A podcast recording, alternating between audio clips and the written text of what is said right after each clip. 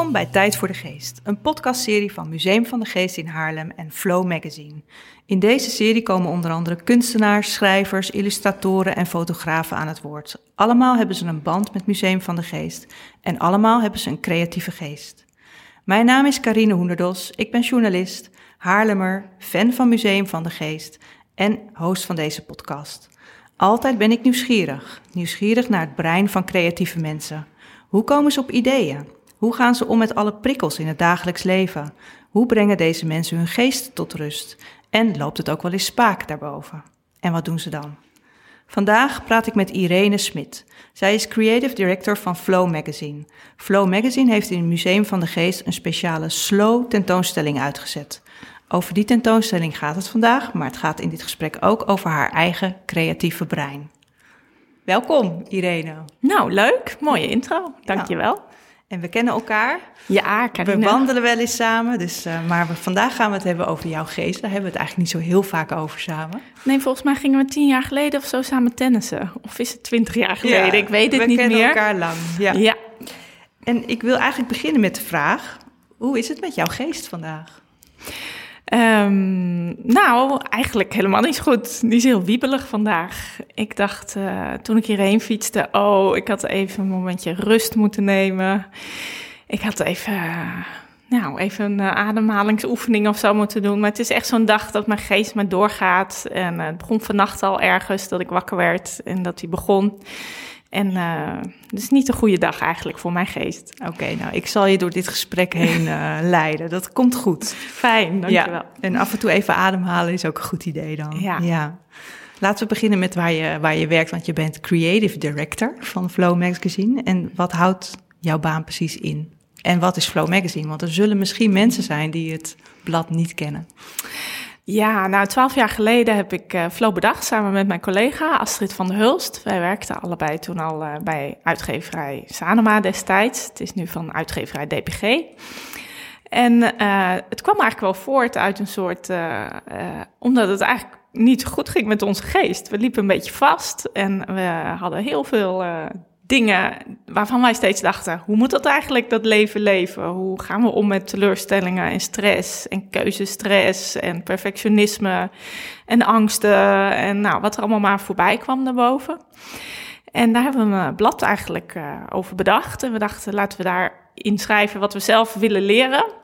Dus er staan eigenlijk veel levenslessen in Flow over hoe leef je het leven en hoe ga je om met alles wat zich uh, in het leven aandient. Een beetje levenskunst. En inmiddels zijn we twaalf jaar verder. En ik begon uh, heel klein, begonnen we op een soort zolderkamer wat dingen te bedenken. En, en alle brieven te beantwoorden en stukken te bedenken. En inmiddels ben ik uh, creative director, wat inhoudt dat ik leiding geef aan het team. Uh, we hebben inmiddels edities ook in Frankrijk, Duitsland. En uh, die teams in Hamburg en Parijs stuur ik ook aan. We hebben een internationaal deel nog in eh, Amerika waar we producten maken. Ja, dit is een heel leuk verhaal. Ja. En een nou mooi verhaal. Als creative director ben ik eigenlijk verantwoordelijk voor alles. En uh, ja, probeer ik het merk Flow ja, groter te maken. Ook kloppend te maken, dat alles wat er onder het merk verschijnt klopt. Ja. En in het dagelijks leven maak ik ook hier het tijdschrift in Nederland en de mooie dingen die we allemaal maken, zowel online als offline, als de producten in Amerika. Ja, zo, dat is nogal wat. En ik, bleef even hangen bij het feit dat je zei van ja, wij, wij zaten zelf niet lekker in onze geest. En toen bedachten we een plan en toen kwam er een tijdschrift. Toen dacht ik, ja, maar wacht eens even. zo, snel, dat zo gemakkelijk ging het vast niet. Dus, eh, want, want je werkte bij Sanema en Sanema, en eh, nu bij DPG, maar Sanema is een heel groot bedrijf. Ik denk niet dat je daar gemakkelijk kunt denken van kom, laten we, laat ik eens een tijdschrift bedenken. Hoe ging dat dan? Uh, we werkten allebei toen bij Marie Claire. En uh, dat was een glossie. Uh, daar merkten we allebei van, nou, deze onderwerpen liggen ons niet altijd. En, uh, we Make-up en mode en zo. Ja, beauty trends. En we dachten, ja, waarom staat er eigenlijk nooit in hoe we dat leven moeten leven, waar, wat wij zelf maar eigenlijk niet weten hoe we het nou eigenlijk moeten doen. En toen gingen we samen mindfulness training doen. Ik, ik uh, was een beetje richting burn-out voor de tweede keer. En uh, mijn huisarts zei, nou misschien moet je eens een mindfulness training doen. En ik wist dat Astrid ook niet altijd lekker in de vel zat. Ik zei, misschien moet je met me mee. dus daar uh, zaten we acht weken op de mindfulness-based stress reduction training. Oh ja. En daar leerden we eigenlijk zoveel lessen waarvan we dachten, hey, al deze woorden slaan op ons. Accepteren, loslaten, al die dingen. Uh, dus in ons hoofd vormde een beetje een plan. En uh, tussen de middag zaten we op zo'n bankje daar, uh, of voordat we naar de les gingen, hadden we vaak sushi in de Albert Heijn en zaten we op een bankje te praten. En zeiden we, jeetje, zullen we gewoon een blad beginnen met deze lessen die we hier allemaal leren? Wat, uh, wat is het eigenlijk uh, onzinnig om over andere dingen te praten dan dit? En kunnen we hier niet een blad voor verzinnen? En eigenlijk destijds uh, kwam er net binnen Sanema ook iemand op mijn pad die zei van... hey, we zijn bezig een nieuw blad te bedenken. We komen niet helemaal over uit nog. Wat, wat nou precies de richting moet worden. Wil jij eens meedenken? En toen zei ik, nou ja, komt hey, mooi ik samen. heb een idee. Hey, ja, kom maar op, we hebben een idee. En uh, toen zijn we een soort dummy gaan maken. En die uh, hebben we eigenlijk gewoon ongeveer alles ingestopt wat we zelf leuk vonden. Dat we ouders zijn inspirerende vrouwen met mooie levens, die, uh, waar we iets van kunnen leren. Nou, die levenslessen die we uit de mindfulness hadden opgedaan.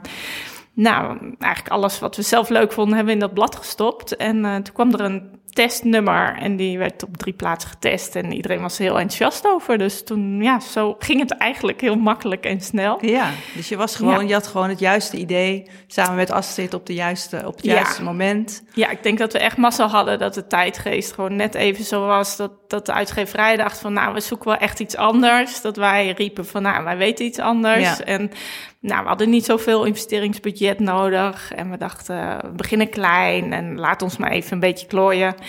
En nou, in het begin was er nog wel een beetje zoiets van, oh, wat moet dat dan worden? En dat eerste nummer is leuk, maar hoe kun je daar dan tien nummers of zo over gaan maken? En toen zeiden wij, oh, daar komen we wel uit hoor. Ja, komen we wel uit, twaalf ja. jaar lang. Ja, ja dus uh, twaalf jaar verder zijn we inmiddels uh, heel groot geworden, dus het valt genoeg uh, over te schrijven. Ja. Maar het was wel een beetje mazzel dat we die kans kregen eigenlijk ja. toen. Maar is het niet ook een, een kwestie van dat jullie dus heel goed de tijdgeest aanvoelden? Of dat jullie zelf met de dingen zaten waarvan je dacht, ja, maar hier zijn wij niet alleen mee? Ja, ik denk nog steeds wel dat dat precies uh, is wat Flow goed groot maakt of groot heeft gemaakt. Dat wij heel erg die tijdgeest aanvoelen. En dat was zeker in het begin zo, toen, het was in 2008, het was vlak voordat de bankencrisis eigenlijk oh, uitbrak. Ja. En toen voelden we al een beetje van, oh, al die designer items. Daarvoor was iedereen de hele dag bezig met een nieuwe designer zonnebril of tas. Alle hebben dingen. En langzamerhand kwam een beetje zoiets van, oh, maar je kunt ook zelf pompoensoep maken. Hoe mooi is het als de buurvrouw pompoensoep kon brengen? Of dat iemand een zelfgebakken appeltaart meeneemt? Of hoeveel leuker is het om een beleving te geven dan weer bezit? Dus dat gevoel van, uh, het gaat over andere dingen in het leven. Ik denk dat dat net een beetje opkwam na uh, tien jaar luxe en groei en uh, economische groei ook. En ja, wat we zelf ook voelden, voelden denk ik veel mensen. Dat ja. je dan, ja, dan heb je die twee vakanties per jaar en die kinderen en die twee auto's en dat mooie huis. En dan denk je, oh, is maar dit alles? ja, is ja. dit alles? Ja. Om maar met doe maar te spreken. Ja. Ja, en toch waren we niet gelukkig. Dus we dachten, ja, de, dat moeten meer mensen voelen. Ja. En, uh, dat ja, ja, klopte. en dat bleek dus, dat, want daar is dus echt een markt voor. En inmiddels ben je dus zoveel jaar verder. En je vertelde al van al die edities in het buitenland en zo'n team aan. En is, het, is jullie idee van toen, is dat nog steeds, is het er nu nog steeds? Of is het uh, zo groot geworden dat het, dat dat kleine idee, dat die sprankeling in het begin, dat die eigenlijk weg is? Of hoe hou je dat in stand? Ik denk niet dat hij weg is namelijk, maar hoe oh, hou je dat in stand? Ja. nee, ik denk dat hij er nog steeds is inderdaad. Ja. Want ik denk dat uh, de tijdgeest voelen nog steeds het belangrijkste deel is in flow. En ja, afgelopen jaren veranderde die tijdgeest ook steeds. Dus eerst werden wat, hadden we wat behoefte aan wat andere spullen om ons heen waar we gelukkig van werden. Maar op een gegeven moment kwam alle social media op. En de laatste jaren dachten we ook allemaal, jeetje, al die prikkels, al die drukte. We rennen van rot naar her. En heb je nog de fear of missing out en de keuzestress die dat allemaal met zich meebrengt. Dus dat waren dat heel erg de onderwerpen waar het over ging. En nu door corona is dat ineens ook weer anders. Dan dachten we, hey, het gaat ineens misschien niet meer over al die prikkels, want ons leven is, uh, nou, ieders leven is, uh, denk ik, uh, voor de helft ongeveer gereduceerd qua prikkels, als het niet meer is. Ja. Maar ja, dan blijft er nu toch weer een soort zoektocht naar hoe je moet meebewegen in het leven. En dat geeft juist weer de nieuwe sprankeling in flow. Omdat ja. we steeds te voelen van, hé, hey, wat, wat, wat is nu aan de hand? Wat, wat geeft dit voor worsteling in ons of in de mensen om ons heen? Ja.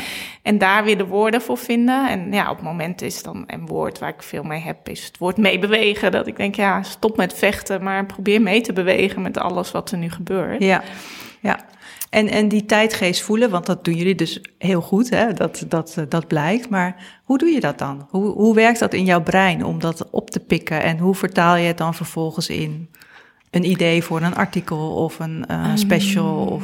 Ja, het, ik lees veel. Ik, ik, ja, ik lees meerdere kranten en ik kijk naar uh, buitenlandse sites of uh, ik luister podcasts. Ja, ik combineer eigenlijk alles. Ik geloof wel dat mijn brein altijd aanstaat. Dat ik altijd alle prikkels de hele dag maar opsla. En dat is ook wel eens een nadeel, vind ik. Maar eigenlijk komt alles de hele tijd binnen. En dan uh, worden er op een dag ergens lijntjes gelegd in mijn hoofd. Zo voelt het ook. Ik wil eigenlijk stiekem nog steeds een keer neuropsychologie gaan studeren. Neuropsychologie, ja, om, die lijntjes te leren. Ja, om te snappen hoe dat ja. dan werkt. Want soms dan uh, heb ik, eh, denk ik, ja, dan zie ik een persbericht of zo binnenkomen. En dan lees ik nog iets op een buitenlands blog of een, uh, iemand die ik ergens volg. En dan zie ik ook nog iets in de krant. En dan ineens is dat weer samengeklonterd tot een nieuw idee. En dan denk ik, hey, leuk, dat is gaande. En dat, dat kan van, uh, nou ja, dat inderdaad iedereen ineens bijvoorbeeld uh, botanische illustraties ging maken... tot een bepaald tijdgeestgevoel over uh, meebewegen of de new now. Of, nou ja, dus dan kom je net een paar keer een woord tegen en dan mix je dat in je hoofd tot weer ja. een leuk uh, dingetje en dan is dat weer een idee. je mixt het in je hoofd tot een leuk dingetje en dan is ja. het weer een idee. Dit ja. is wel de samenvatting van de geest van, uh, van Irene, denk ik. Ja, zoiets. Maar, maar het is dus vooral zo dat jij jezelf, je zegt, mijn geest staat altijd aan, je voedt jezelf met heel veel signalen, heel veel nieuwe ideeën en dan mix je er voor jezelf uh, een idee uit of je pikt een trend op. Ja, het is eigenlijk gewoon ja, maar de hele tijd openstaan en alles uh, binnen laten komen. En dan, het gaat denk ik niet op zo'n bewust niveau, dat ik het dan echt allemaal bewust denk, ik ga nu op zoek naar een idee. Maar het, ja, dat ontstaat dan vanzelf door ja. die, alles wat ik in mijn hoofd stop. En ik vind dat ook leuk, want dan merk ik ook, ja, als ik naar een museum ga of ik ga in de natuur wandelen, ja, alles wordt weer even ergens opgeslagen en op een dag uh, wordt het samen wat. Ja. En uh, ja, zo werkt het eigenlijk. Ja, maar je zegt ook al van, ja, er zitten ook wel nadelen aan, want als je hoofd altijd aanstaat, wat is dat dan? Wat is een nadeel daarvan? Ja, wat ik zelf wel merk, dat ik... Uh, altijd moe ben s'avonds. dus dat is best een groot nadeel. Nee, maar het is wel inderdaad uh, vaak vol en veel. En uh, ik kan het wel slecht reguleren, vind ik zelf. Ik kan niet soort van de helft uh, denken van ik ga vandaag maar eens voor de helft openstaan. Ik probeer wel eens bewust dan minder te lezen, bijvoorbeeld. Omdat er anders. nou ja, ik heb bijvoorbeeld bij sommige podcasts die ik luister. Dat doe ik dan in de auto. En dan ja, er komen er al twintig ideeën uit. En dan ben ik mee gestopt, want dat kan ik dus niet. Want dan denk ik steeds, oh, dit moet ik opschrijven. Oh, dat moet ik onthouden. Of nee, dat, dat kan ik eigenlijk alleen maar luisteren met een notitieboek ernaast. Ja. Dus ik probeer wel bewust wat minder te... Soms minder prikkels te krijgen. Maar ja, en, en ja, ik ben daardoor vaak moe, vind ik zelf. En uh, ja, het kan ook een soort van overstromen. Soms zie ik mijn hoofd als een soort sneeuwbolletje. Dat er uh, de hele dag al die sneeuw, uh, sneeuwdingetjes maar rondwarrelen. En die blijven mij in beweging. En ik moet wel af en toe even. Jouw bolletje wordt wel heel vaak geschud. Ja, het ja. is heel uh, veel geschud bolletje. En af en toe moet ik even alles naar beneden laten dwarrelen. En dan moet ik wel echt uh, uh, niet vergeten dat ik dat af en toe moet doen. Want ja. anders blijft het maar sneeuwen. Ja, en hoe doe je dat dan? Hoe laat jij je sneeuwbol tot rust komen? ja, vroeger had ik dus echt eigenlijk geen idee hoe dat moest. En ehm, op mijn dertigste ben ik best wel overspannen geweest. Dan ben ik een jaar thuis geweest. En toen heb ik gewoon dacht ik van nou grappig, ik heb er nog nooit over nagedacht, maar je hebt ook nog een lichaam die aan dat sneeuwbolletje vastzit.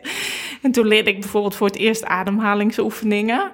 Je zat zoveel in je hoofd al die tijd, dat Ja. je eigenlijk gewoon niet door had dat je... Nee, ik weet nog dat ik dat zo apart vond. Ik kreeg zoveel lichamelijke klachten. En, en, en benauwd en eh, hartkloppingen en eh, nou, angsten. En ik dacht, terwijl ik dacht dat het heel goed met me ging. Ik was net nog wat vrijwilligerswerk erbij gaan doen. En eh, ik had ook een fulltime baan. Maar ik dacht, nou, dit kan allemaal heel goed. Wat voel ik me goed?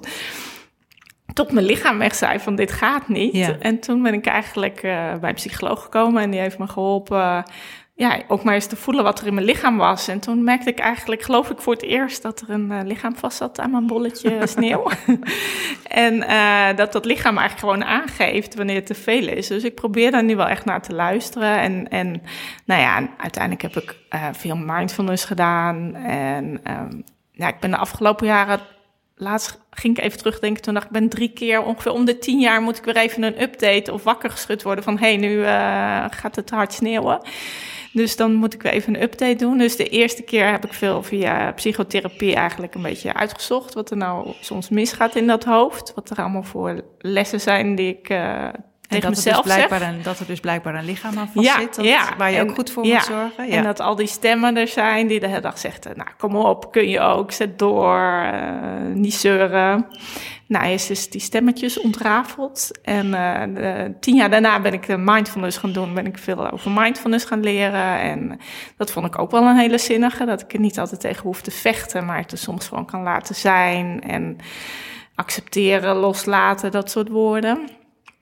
En ehm, ja, zo, zo zoek ik steeds weer naar oplossingen. De laatste keer heb ik vooral ontdekt dat inderdaad wandelen en de natuur, eh nou, mediteren had ik al een beetje ontdekt, maar dat gewoon wandelen en naar buiten gaan ook zoveel oplost. Eerst dacht ik van, nou, ik moet echt controle erover nemen.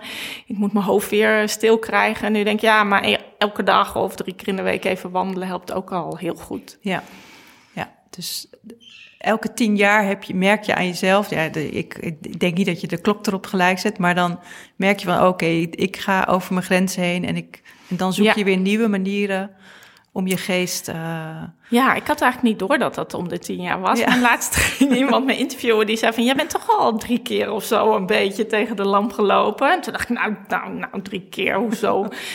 en toen dacht ik, oh ja, eigenlijk wel misschien. Die, die eerste keer was inderdaad, toen was ik dus eind twintig. En toen dacht ik wel echt van, eh, wow, eh, wat gebeurt er nu? En ik had echt geen idee wat dat was. Maar tien jaar later, toen eh, lag ik ook wel in een scheiding. Dus dat was ook een heftige emotionele tijd. ja. Dus toen eh, dacht ik van, ja, toen ik terugkeek, dacht ik van, hé, hey, ja, dat was tien jaar daarna. En, en nu een paar jaar geleden was het dus weer tien jaar na die tweede keer. Dat ik dacht van, hé, hey, toen was het weer. En toen had ik een heel erg eh, drukke tijd gehad, dat ik veel voor mijn moeder had gezorgd. En in combinatie met een drukke baan en Ja. een druk leven was dat ook te veel. En toen eh, dacht ik, ja, eigenlijk is dat om de tien jaar loop ik wel weer even ergens tegenaan. Omdat, ook omdat het leven soms zo loopt, maar ook omdat ik misschien dan mijn eigen lessen een beetje ben vergeten. Dat ik denk van, oh, even mijn kennis opfrissen, wat moest ik ook weer doen? Ja, ja want eh, eh, lezers van Flow Magazine zullen nu misschien denken van... eh ho, wacht eens even, dit blad gaat altijd over, over Ja. slow leven en de tijd nemen. En, dat- maar dat is dus wel een issue voor jou, nog steeds. Ja, ja, Ja. dat is ook het grappige, want iedereen, of heel veel mensen zeggen tegen mij, nou, bij jullie op de redactie is zeker zo lekker zen en jij bent helemaal in balans. en oh, wat goed dat jij het allemaal weet. En dan denk ik, oh ja, oké. ik denk de dag dat Astrid en ik alles weten, dat flow niet meer bestaat. Want de lol is juist dat wij... eh, Dat je die zoektocht ja, dat hebt. ik zelf Ja. ook steeds blijf zoeken. En zelf Ja. ook weer denk van, oh ja, maar dit is te veel. En eh, ja, maar ja, de consequentie van zo'n leuk hoofd is ook soms dat het gewoon dan eh, overloopt. Ja, En tegenwoordig zie ik ook vooral de voordelen. Als je dan even in zo'n moeilijke periode zit, zie je ook wel veel nadelen eraan. Maar ja, over het algemeen vind ik dat hoofd superleuk, waar altijd van alles in gebeurt. ja. En daardoor hebben we altijd inspiratie en heb ik altijd ideeën en kan ik altijd nieuwe dingen verzinnen. En eh, dat maakt het blad alleen maar leuker. Ja, en dat nieuwe die ideeën verzinnen, dat maakt ook dat wij hier nu zitten. Want jij hebt, eh, jij hebt ook op een dag bedacht van ik wil iets doen met Museum van de Geest. Ik vind dat Flow Magazine daar heel goed bij Ja. past. Hoe ging dat dan? Ja, dat was al. Ik had al een paar keer. eh het museum eh, ligt op een heel mooi plekje, niet zo ver van mijn huis. En ik was er maar twee keer of zo geweest, want het, het was een klein beetje stoffig. En, uh, maar het had wel een heel leuk café ook erbij. En ik dacht, jeetje, wat een leuk museum. Eigenlijk zo'n mooi oud pand. Het is eigenlijk uh, ja, aandacht voor je geest. En hoe het daarmee gaat, ja, dat past ook zo bij Flow. Zal ik ze eens een keer bellen of benaderen? Of ik had al een paar keer op die site zitten kijken van wie zal ik dan bellen? En op een gegeven moment zag ik iets staan van, oh, we gaan dicht voor anderhalf jaar of voor een jaar. En toen dacht ik, oh nee, nu ben ik te laat. voor de verbouwing. Ja, ja, ja. voor de verbouwing. En, uh, maar toen aan de andere kant dacht ik, ja, het kan ook een mooi nieuw begin zijn, weet je. Ik ga ze toch mailen. En uh, nou, toen kwam ik al heel snel met uh, Jessica Belles in aanraking, dat junk-directeur. En wij bleken eigenlijk wel een hele goede match te zijn. We hadden allebei zo'n geest. Ja.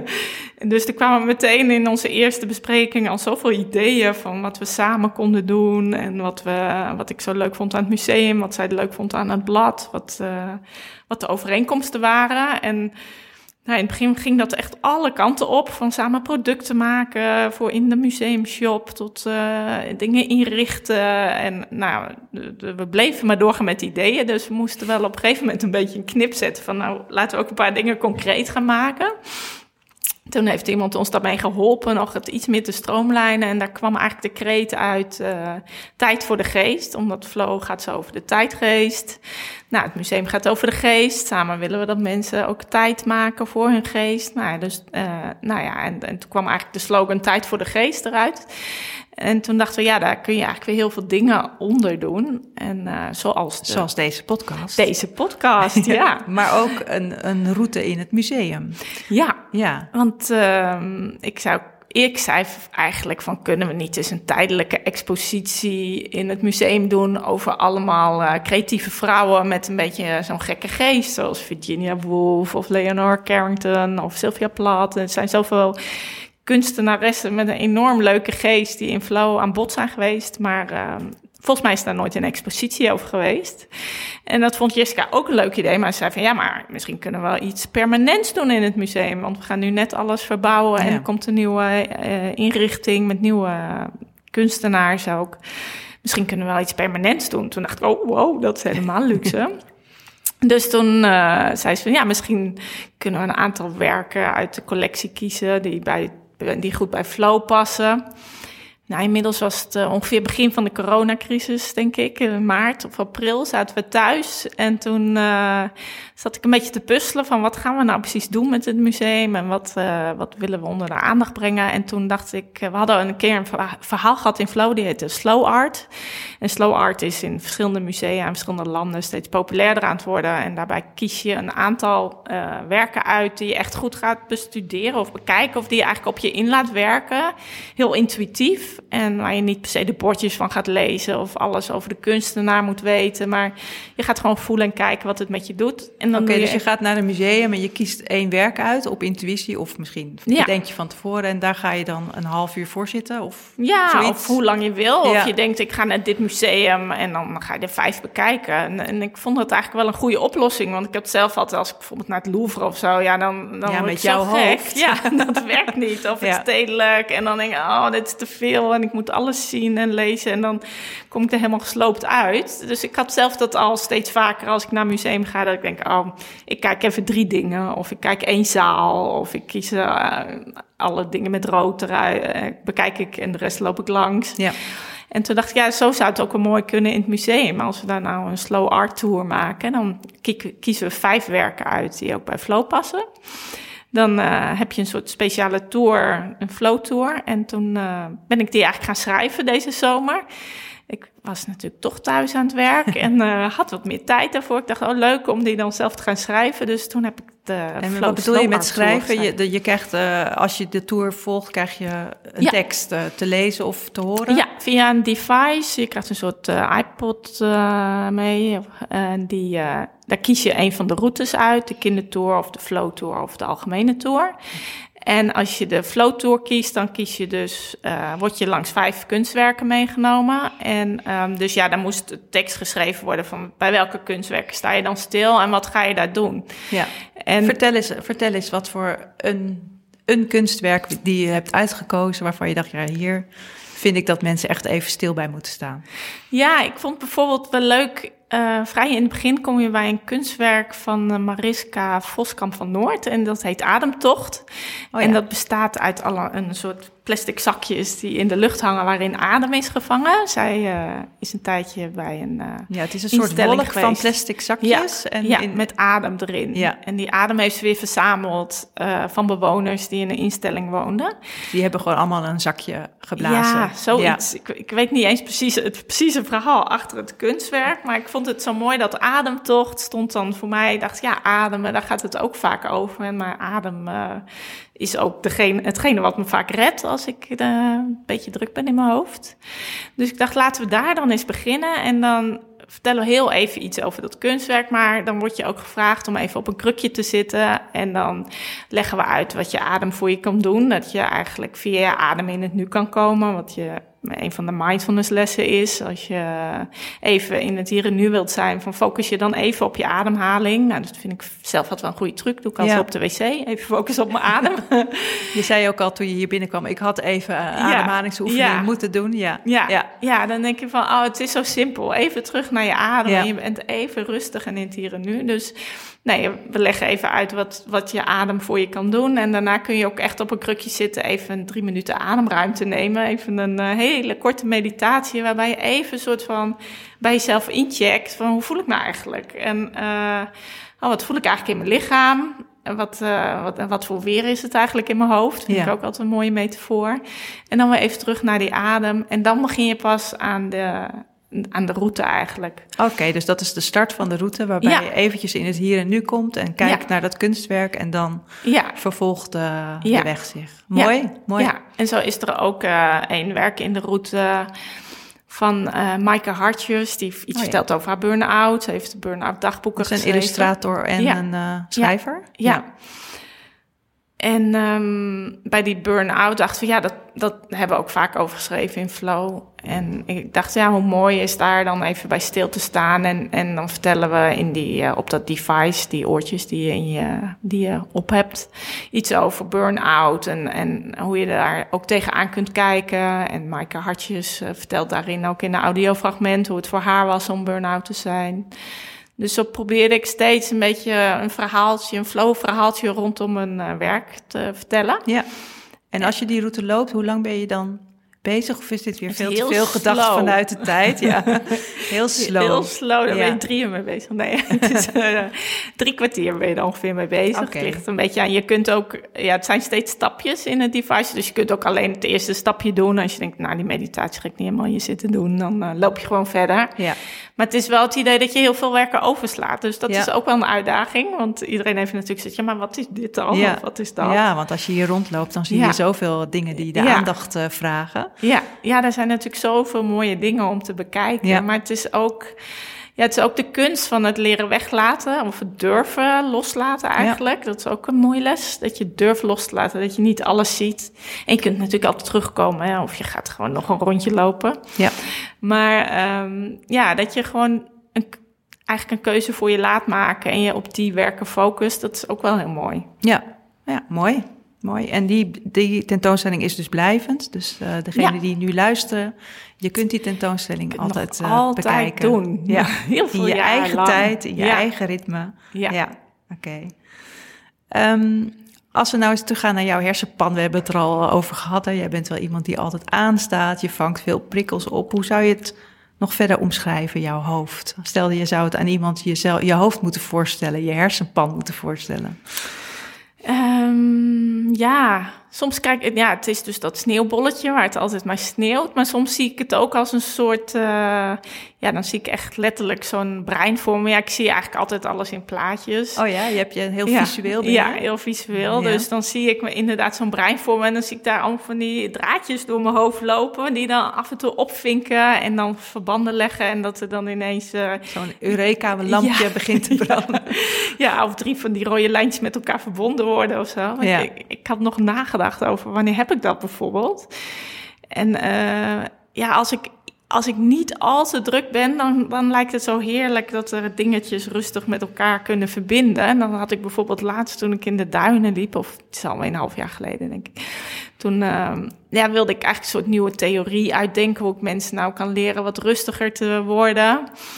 En toen uh, dacht ik, oh, dan kan ik iets met letters doen. En toen zag ik een eekhoorntje springen van tak tot tak. Denk ik, oh leuk, eekhoorntjes. En toen ging er ineens zo ratel, ratel. Zag ik dus al die soort rode lampjes in mijn hoofd opflinkeren en verbinding maken.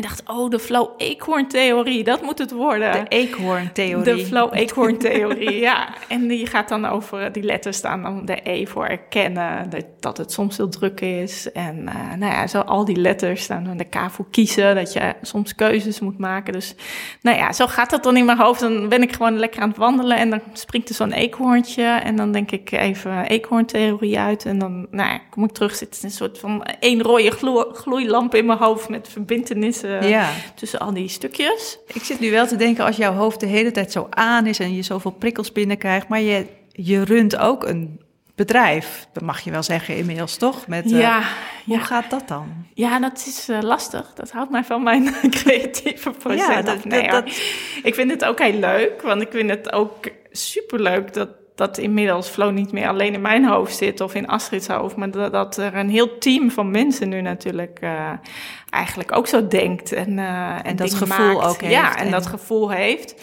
Dus ja, dat is ook wel een, een, een, uh, ja, leuke mix eigenlijk. Maar daarvoor moet ik inderdaad soms wel even zelf mijn prikkels een beetje zien uit te zetten. Ja, is het zo? Kun je niet die, dat, al dat controlerende werk doen en tegelijkertijd creatief zijn? Of? Ik vind dat zelf wel moeilijk. Ik vind het wel, het zijn eigenlijk steeds verschillende dingen. Denk, ik, ik hou ook erg van controle. dus ik, ik ben ook heel erg goed in plannen en organiseren. Dus dat is ook wel weer een andere kant. Ik ben helemaal geen chaotische creatief. Nee. Behalve mijn huis is nooit zo opgeruimd. Maar je huis is van een uh, ja. chaotisch creatief. Ja, maar op de redactie ben ik degene van uh, planningen. En uh, zal, nou, we halen altijd alle deadlines. Zeker in het begin was ik zelf nog heel erg betrokken met het uitvogelen van wanneer moet een artikel binnenkomen om te zorgen dat het weer op tijd naar de drukker gaat. En ja, ik hou heel erg van orde en structuur en planningen en overzicht. Oh, ik denk niet dat mensen dat verwachten, of wel? Nee, nou, weet ik eigenlijk niet. Ja. ja, veel mensen denken dat creatieve mensen altijd volgens mij heel rommelig zijn. Ja, hè? precies. Ja, ja, het is zo grappig. Ik heb eigenlijk wel allebei die kanten in me. Dus alleen, ik, kan ze niet goed allebei tegelijkertijd aanzetten. Dus als ik heel erg bezig ben met uh, de organisatie of uh, dingen stroomlijnen. We zitten nu bijvoorbeeld in een reorganisatie en dan, ja, dan komt er zoveel op mijn pad van, oké, okay, die moet eigenlijk met die praten en die moet weer dat weten. En hoe, nou ja, dan ja, deels is dat ook wel weer een creatief procesje om een soort uit te denken van, hé, hey, waarom loopt dit proces niet en, en hoe kan ik dat oplossen? Dus ik zie dat dan ook wel als een, uh, iets waar creatief over na moet denken, om een creatieve oplossing te vinden. Uh, maar het is wel heel moeilijk om dan daarnaast ook nog open te staan voor alle tijdgeestideeën, zeg ja, maar. Ja, precies. ja. Dus als, het, als, het, als je te veel organisatorisch aan je hoofd hebt, dan is die creativiteit een beetje. Ja, ja, dat vind ik wel jammer. Op de achtergrond. Ja, ja. ik wil ook heel vaak denken, oh, ik wil een boek schrijven. En dan, nou, nou alle tussentijd ga ik daar een beetje over nadenken. heb je weer een podcast geluisterd, zijn er weer twintig ideeën, maar dan heb je daar geen tijd nee, voor. Nee, als ik dan te veel in alle organisatie uh, zit, dan... Uh... Maar ja, ik, ik vind het uh, ook leuk om wel met mensen, natuurlijk met de redactie en ons team bijvoorbeeld, te kijken naar van, ja, wat komt daar allemaal uit? En dat is ook wel weer heel geruststellend, dat je denkt van, hé, hey, maar als je mensen de ruimte geven, komen daar ook heel veel ideeën uit. Dus er hoeft ook niet meer eh, alles uit mijn hoofd te komen. En dat geeft ook wel weer rust. En, en hoe doe je dat mensen de ruimte geven om uh, creatief te zijn? Op, op de Flow-redactie? Uh, ja, door inderdaad dan organisatorische processen bij hun een beetje weg te halen. Oh ja, door het goed te regelen voor ja, hun. Ja, ja. Dat, en, en ook wel letterlijk uh, ruimte geven. Dat, nou ja, bij ons is dat heel belangrijk. Falen mag echt. Je mag twintig stomme dingen zeggen. Je mag dingen fout doen. Uh, uh, ik probeer ook altijd mensen heel erg te stimuleren. Om, neem je tijd en, en voel je vrij om, om ja, je vakanties op te nemen. Of, of even een middag iets anders te doen. Als jij denkt van ik heb dat even nodig, moet je dat vooral doen. Ja. Niemand, wordt, nou ja, niemand zit nu überhaupt op de redactie. Maar ja, vroeger ook niet. Bij ons is het zeker niet dat iedereen van negen tot half zes daar moet zitten en... Uh, en creatief moet zijn op nee, commando. ik zeg ook vaak van ja, het is niet de knop die je s morgens aanzet en s'avonds weer uit. Bij mij komen die ideeën natuurlijk ook s'avonds of s morgens of s'nachts. Ja.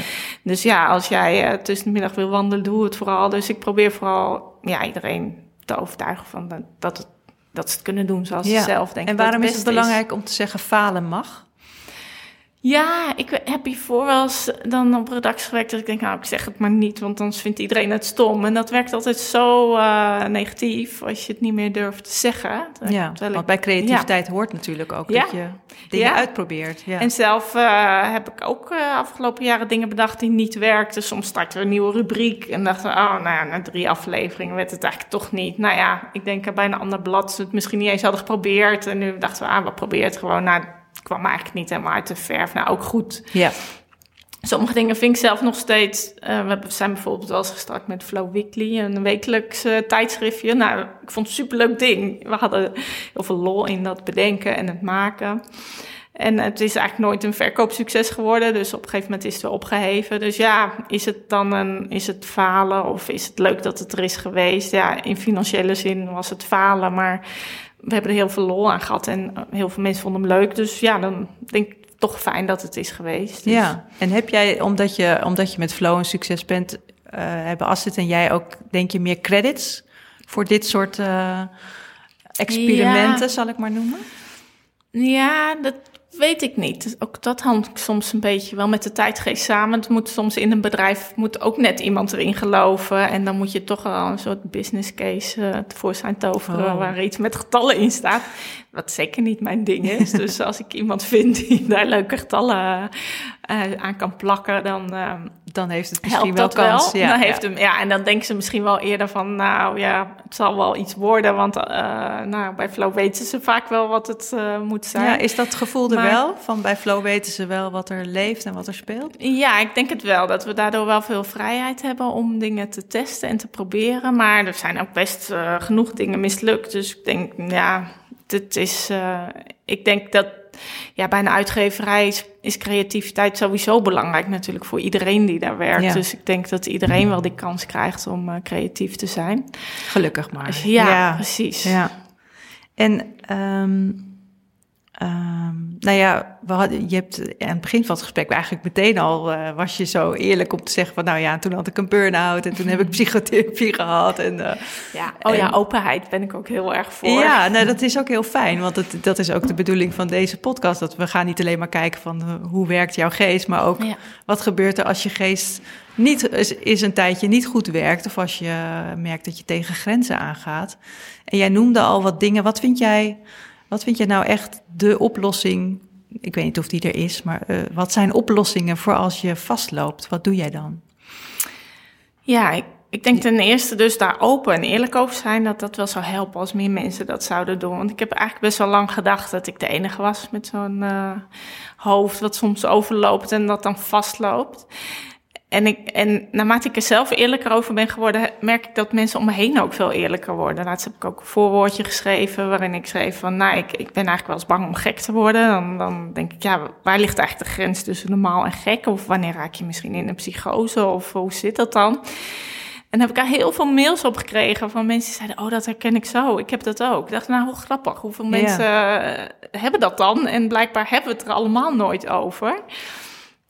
En uh, nou ja, nu de laatste tijd zie je sowieso wel veel meer aandacht voor uh, mentale gezondheid. Dat uh, ook voetballers vertellen dat ze een angststoornis hebben. Of rappers. Of nou, hoe fijn dat daar openheid over is. Ja. En het lucht mijzelf ook op. In het begin hield ik het allemaal voor me. Want ik wilde vooral overkomen als sterke, positieve, creatieve flowmaker. Ja.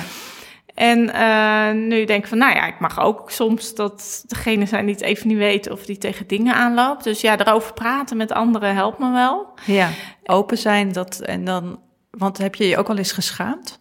Daarvoor? Ja, ik schaam me eigenlijk, ja, ja, dat is wel grappig. Ik weet nog dat ik dus een paar jaar geleden weer een beetje richting overspannen was omdat ik ook toen een drukke tijd had gehad, veel voor mijn moeder moest zorgen. En uh, ja, toen merkte ik dat ik zelf toch ook weer dacht van, nou, de redactie hoeft dit niet te weten hoor. Ik ga het niet echt zo aan iedereen vertellen. En toen een beetje zo van, ik doe even wat minder, want ik heb het een beetje druk gehad. Maar denk nu denk ik van, ja, waarom heb ik dan ook niet toen weer gewoon gezegd van, jongens, uh, het ik is loop te over, veel geweest. Ja. Ik ben overspannen. Of nee, het is ook zo moeilijk, hè? Je weet niet wanneer ben je overspannen, wanneer ben je burn-out. Maar... Ja ja, ik schaamde me ook wel, ook wel omdat ik dacht, ja, iedereen denkt van zij maakt flow, zij weet toch hoe het moet.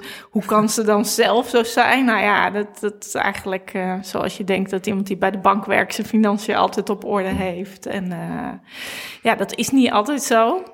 Maar daar schaamde ik me dan wel voor. En ik wilde ook vooral niet zo gezien worden. Ergens voelt het toch dat mensen dan denken: oh, zielig of uh, mislukt of stom. Of, uh, nou, die, en is dat minder geworden nu je er vaker over praat? Dat, het, dat, ja. dat gevoel minder is geworden? Ja, ja, nu ik er vaker over praat, denk ik meer van omdat het dan ook normaler voelt. En dat ik denk, van, ja, hoe meer mensen erover praten, hoe normaler het ook wordt. Dan hoef je er ook allemaal niet voor te schamen. Dus ik, ik, dat is wel een beetje mijn persoonlijke missie ook geworden. En waardoor ik ook deze samenwerking met het museum zo leuk vind. Dat we samen echt zeggen van, nou, zorg nou voor je mentale gezondheid. Maar alles kan en alles mag. En laatst kwam ik er bijvoorbeeld achter, als ik... Uh, echt veel stress heb, dan moet ik altijd heel erg trillen. En dan, dan ga, lig ik gewoon in mijn bed en dan kan ik niet stoppen met trillen. Maar dat, ik dacht, nou, dat is iets heel geks. maar het blijkt gewoon een soort spierspanning te zijn die je dan pas loslaat. En uh, een vriendin die bleek dat ook al uh, eh, 20 of 30 jaar te hebben, terwijl ik het nog nooit met haar over had gehad. Dus mensen zouden er eigenlijk gewoon meer over moeten praten. Over dit soort ja. uh, verschijnselen. Van ja. hey, mijn hart klopt super hard. Of uh, ja. ik kan niet uh, goed rustig ademen als ik stress heb. En, ja. en als je hartkloppingen hebt, ja, dan gaat het voor mij altijd zo'n helemaal filmpje scenario. Zie ik dan alweer dat ik ongeveer mijn afscheidsboodschap wil gaan tapen. want ik denk, ja, dan vinden ze me morgen. En hoe moet het dan? Wie weet dan waar de sleutel ligt? En nou, dat kan heel druk worden in mijn hoofd. Zo'n heel verhaal. Ja, dat is ook niet echt goed voor die hartkloppingen. Nee, denk nee, dan, nee alleen maar erger. Maar ik denk, ja, nu weet ik, eh, ja, dat is natuurlijk een beetje een les uit mindfulness. Dat, dat herkennen en accepteren. Dat helpt al zo'n stuk. Hiervoor ging ik er ook tegen vechten. Denk, oh, ik wil dit niet voelen. Oh, daar heb je het weer. En nou zie je wel, ik ben uh, al, uh, het gaat helemaal fout. Ik heb weer te hard gewerkt. En nu uh, heb ik weer hartkloppingen. En nu denk ik, oké, okay, dan heb je het weer. Dit hoort bij mij naarmate ik gestrester ben, heb ik bijvoorbeeld meer angsten. Dan denk ik, oh ja. En dacht, nou, dan, vroeger ging ik daar dan tegen vechten, mocht het er niet zijn. En nu denk ik, oh, dit is een uh, signaal van mijn geest of mijn lichaam die zegt van, hé, hey, je doet nu iets uh, wat, je doet nu te lang iets wat niet goed voor je is.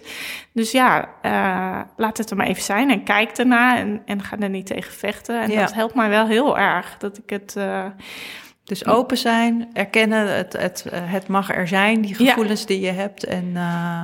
Ik zeg soms tegen mijn kinderen, zeggen welkom tegen, maar die, die trekken die zin helemaal niet. Maar dat zeg welkom tegen de hartkloppingen, ja. Of, zo bedoel je? Ja, ja. ja of tegen alles wat er maar langskomt. Ik vind het zelf namelijk ook zo'n gruwelijke zin. Zeggen welkom tegen, welkom maar ik denk toch wel soms stiekem van, oh ja, dan heb je het weer. Irene, stop, laat het er zijn, zeggen welkom tegen. Het is een goede herinnering, omdat het zo'n stom zinnetje is. Ja. En, um, en dat zijn de, de, dingen zeg maar in je hoofd die je doet. Maar je had het er ook al over van wandelen bijvoorbeeld helpt jou uh, heel goed. Ja, Waarom wandelen. werkt dat zo goed, denk je? Behalve dat wij af en toe in de duinen wandelen. Dus, ja, uh, ja. dat ik dan gezellig aan jou kan vertellen. Nee, ik denk uh, dat het werkt. We hebben wel eens verhaal in Flow ook gehad, wat de natuur eigenlijk met je doet. Hè? Hoe mooi het is dat je in de natuur blijft altijd alles gewoon maar doorgaan. Dus en dan, dan zie je ineens dat ja, dat je zelf niet zo het middelpunt van het universum bent als je soms wel eens wordt in je hoofd. En daar gaat alles door. En dat vond ik nu bijvoorbeeld in deze coronatijd. In het begin was ik best wel angstig. En ik dacht van, hé, hey, maar het wordt ook gewoon lente. En de knoppen zitten alweer in de bomen. En uh, uh, de zon gaat alweer misschijnen. En je ziet de natuur weer veranderen. En dat vind ik wel heel troostend om te zien dat de natuur altijd gewoon verder gaat. Ja. En ik geloof ook wel dat er letterlijk iets is hè, met... Uh, dopamine of zo, die vermindert als je ehm, in de... Ja, er gebeurt van alles in je lichaam natuurlijk. Ja. ja. Wat de stress weer vermindert. Ja, en hardlopen vind ik ook lekker. Maar ja, nu heb ik de laatste tijd last van mijn rug, dus loop ik minder hard. Maar en mediteren, ja, ik, ik ben niet echt zo iemand die nou eh, heel braaf dagelijks mediteert. Maar ik voel wel altijd als het weer te veel wordt, dan denk ik, oké, weer even een paar avonden rustig, mediteren, wandelen. Ja, ja minder afspraken. Ja eventjes uh, op de rem. Ja. ja. ja. En hoe doe je dat dan in je werk? Ja, dat is soms lastig, want er zijn natuurlijk altijd deadlines. Dus dat is. Uh, en die deadlines worden nooit minder. Maar het gekke is dat ik op een gegeven moment heb ontdekt dat het niet zoveel uitmaakt dat ik hoe of ik me drukker maak. Dan, dat, het, het werk is nooit af eigenlijk. Nee. In het begin probeerde ik altijd werk af te hebben en controle te krijgen. Lege mailbox, lege Ja, deadlines, ja. En nu denk ik van, nou ja, weet je, die mailbox is altijd vol. Sommige mails worden niet beantwoord. Eh, ja, deadlines moeten wel altijd gehaald. Maar ja, heel veel andere dingen, het, het is nooit af. Dus ik, op het moment dat ik denk dat ik het onder controle heb... dan gebeurt er wel iets nieuws waardoor ik het helemaal niet onder controle heb. Dus ik heb dat eigenlijk een beetje laten varen. En dat, gek genoeg... Nou, komen er nog steeds tijdschriften uit Ja. en hebben we nog steeds alle deadlines gehad. Dus eigenlijk heb ik wel gemerkt dat het niet zo uitmaakt hoe druk ik me erover maak. En ehm, in het begin werkte ik bijvoorbeeld ook veel meer de weekenden door. En nu denk ik, ja, eigenlijk maakt het dus niet uit of ik op zondag wel of niet werk. Want ja, uiteindelijk ja, krijg ik ongeveer net zoveel gedaan. Dus ik ben me denk ik meer bewust van hoe belangrijk die rustpauzes zijn, ook voor mijn hoofd. En ja. Ja, op die manier kan ik denk ik iets beter rust vinden. Ja, oké. Mooi. Loslaten, hè? Loslaten. Een van de lessen in flow. Ja, loslaten. Ja. Ja. Oké, dus ehm, ehm, nou, dat, dat voor, dus voor de lessen van het, eh, het, het loslaten, het eh, erover praten, het ontspannen in de vorm van bewegen en noem maar op. En als er nou, als er nou mensen luisteren naar deze podcast, want het gaat natuurlijk ook over creativiteit. Hè? We hebben nu, je hebt nu verteld hoe jij je brein tot rust brengt. Maar er zullen ook best wel mensen zijn die jaloers zijn op jouw creatieve brein. Hè? Dat die denken van, oh, ik wou dat ik zoveel ideeën had. Wat voor, wat voor tips zou je die mensen willen geven van, uh, ja, hoe word je creatiever? Ja, dat is grappig, hè? Dat, dat vind ik ook altijd moeilijk. Mensen vragen ook wel eens in het begin vooral, zeiden ze dat, jeetje, ja, maar Flo, maar hoe kom je dan aan al die ideeën? Toen dacht ik, ja, maar dat, dat was nou net het makkelijkste onderdeel van Flow. Echt alle financiën en budgetten en, en er zijn heel veel ingewikkelde dingen. Maar ideeën verzinnen niet. Ja, ik denk wel dat je jezelf kunt trainen in meer openstaan voor, uh, voor, voor dingen. Dus ja, inderdaad gewoon maar lezen en, en, en kijken wat er gebeurt in je hoofd. En daarvoor moet je inderdaad wel een soort stilte hebben. Uh, niet al te veel uh, dagelijkse to-do-lijsten om uh, daar ruimte voor te geven. Ja, ik denk niet voor niks zeggen mensen altijd dat ze de beste ideeën onder de douche krijgen. Daar is dan even niks anders dan dat je staat te douchen. Dus ja. in die zin kun je jezelf wel wat ruimte geven. En ik geloof ook wel in dingen als bijvoorbeeld een, uh, een ochtendjournal of zo. Dat je daar gewoon op staat en gewoon maar gaat schrijven en kijken wat er in je opkomt. Dat je dan veel intuïtiever op uh, ideeën komt. Of ja, creativiteit is eigenlijk alleen maar laten opkomen wat er is. En denk dat het ergens altijd al wel in je zit. Dus als je dat maar de ruimte Het is niet zo geeft, dat de ene mens wel creatief is en de andere mens niet. Ja, dat denk ik eigenlijk niet. Maar ik, dat, ik denk dat die creativiteit in iedereen zit. En, en het zit ook in hele kleine dingen. Ik bedoel, iemand die elke dag een heel erg leuk recept kookt, vind ik ook heel creatief. Ik ben bijvoorbeeld helemaal niet creatief op het gebied van eten maken.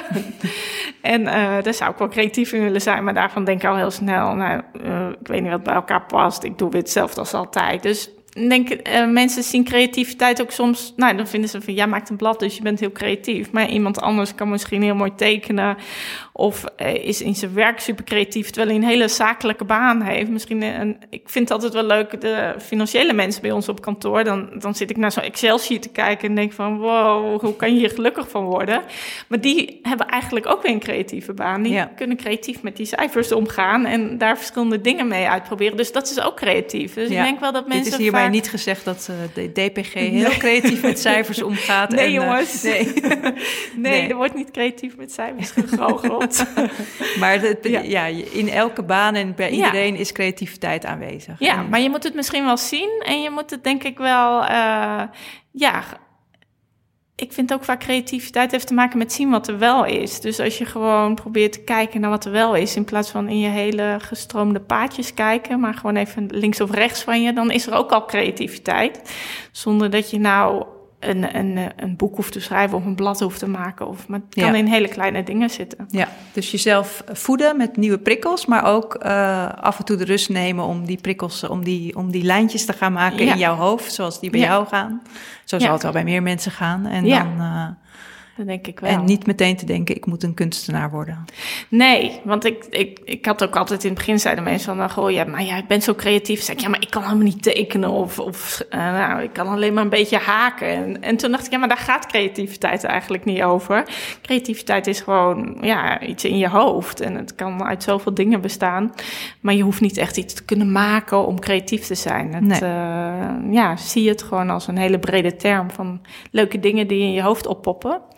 En ik denk dat iedereen dat wel heeft. Ja, dit is een hele troost voor mensen met twee linkerhanden. Ja, deze uitspraak precies. van jou. Ja, ja. En okay. jongens, ik kan dus helemaal niks met mijn handen. Al die creatieve dingen je met mijn handen. haken, hoor ik ja, net. Haken, ja, ja. ja dat is waar. ja. ja.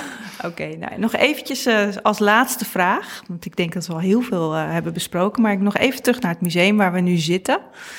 Um, het is natuurlijk net helemaal vernieuwd en jij hebt uh, al rondgekeken. Wat vind je nou echt, behalve de slow, uh, de art, de slow route van Flow natuurlijk, maar wat vind je nou echt een aanrader om hier te bekijken? Ja, dat vind ik wel moeilijk, want ik heb nou twee keer al de slow route gelopen, maar ik heb nog steeds niet het hele museum bekeken. Uh, ik vind wel het werk van Yayoi Kusama heel mooi wat er hangt. En dat hangt tegenover een filmpje van haar over haar leven. En zij is dus een Japanse kunstenares. Ik, ze is al in de negentig of zo, geloof ik. En, zeg haar naam nog eens een keer. Yayoi Kusama. Yayoi Kusama, ja. ja. En zij woont vrijwillig in... Uh, in een uh, psychiatrische instelling of aan de overkant of zo, omdat ze steeds weer psychoses kregen en uh, een beetje de weg kwijtraakte. En, uh, maar ondertussen maken ze daar dus de mooiste dingen van. En ze is allemaal stippen gaan tekenen, omdat dat rust gaf in haar hoofd. En nou ja, haar levensverhaal is waanzinnig en hoe ze eruit ziet. En, en dat ze op deze leeftijd nog zulke bijzondere dingen maakt en een beetje hallucinerende kunst soms. Dus dat vind ik wel heel mooi en vooral met dat levensverhaal erbij. En ook heel bijzonder dat zo'n groot kunstenaar hier uh, hangt. Ja. Dus dat is denk ik wel mijn favoriet tot nu toe. Maar ik ga nog. Er zijn ook heel veel kleine dingetjes. Ik zag gisteren weer ineens dat er een klok hangt met tijd. Uh, iets met tijd hield van alles of zo. Ik denk, ja, zo is het ook. Tijd lost het ook allemaal op. En dat is gewoon een klok die ergens hangt, denk ik, uit een vroegere collectie. Ja, het barst hier ja. van de mooie verhalen en de mooie beelden. Ja, als ja. je blijft kijken, zie je steeds weer iets van, oh, dat is ook leuk. Oh, dat is leuk. Ja, heerlijk. Oké. Okay. Nou, Dankjewel, Irene. Nou, graag gedaan, Karine. Jij dankjewel. Je luisterde naar Tijd voor de Geest, een podcast van het Museum van de Geest en Flow Magazine. De producer is Jonne Serieser en de tune is van Spinvis. Wil je meer weten over het museum, over deze podcast of over Flow Magazine? Bezoek dan www.museumvandegeest.nl of www.flowmagazine.nl. Abonneer je op deze podcast bijvoorbeeld bij iTunes en laat een review achter. Of deel deze podcast met vrienden en familie zodat zij ook eens tijd maken voor hun geest. Tot de volgende keer. Tijd voor de geest.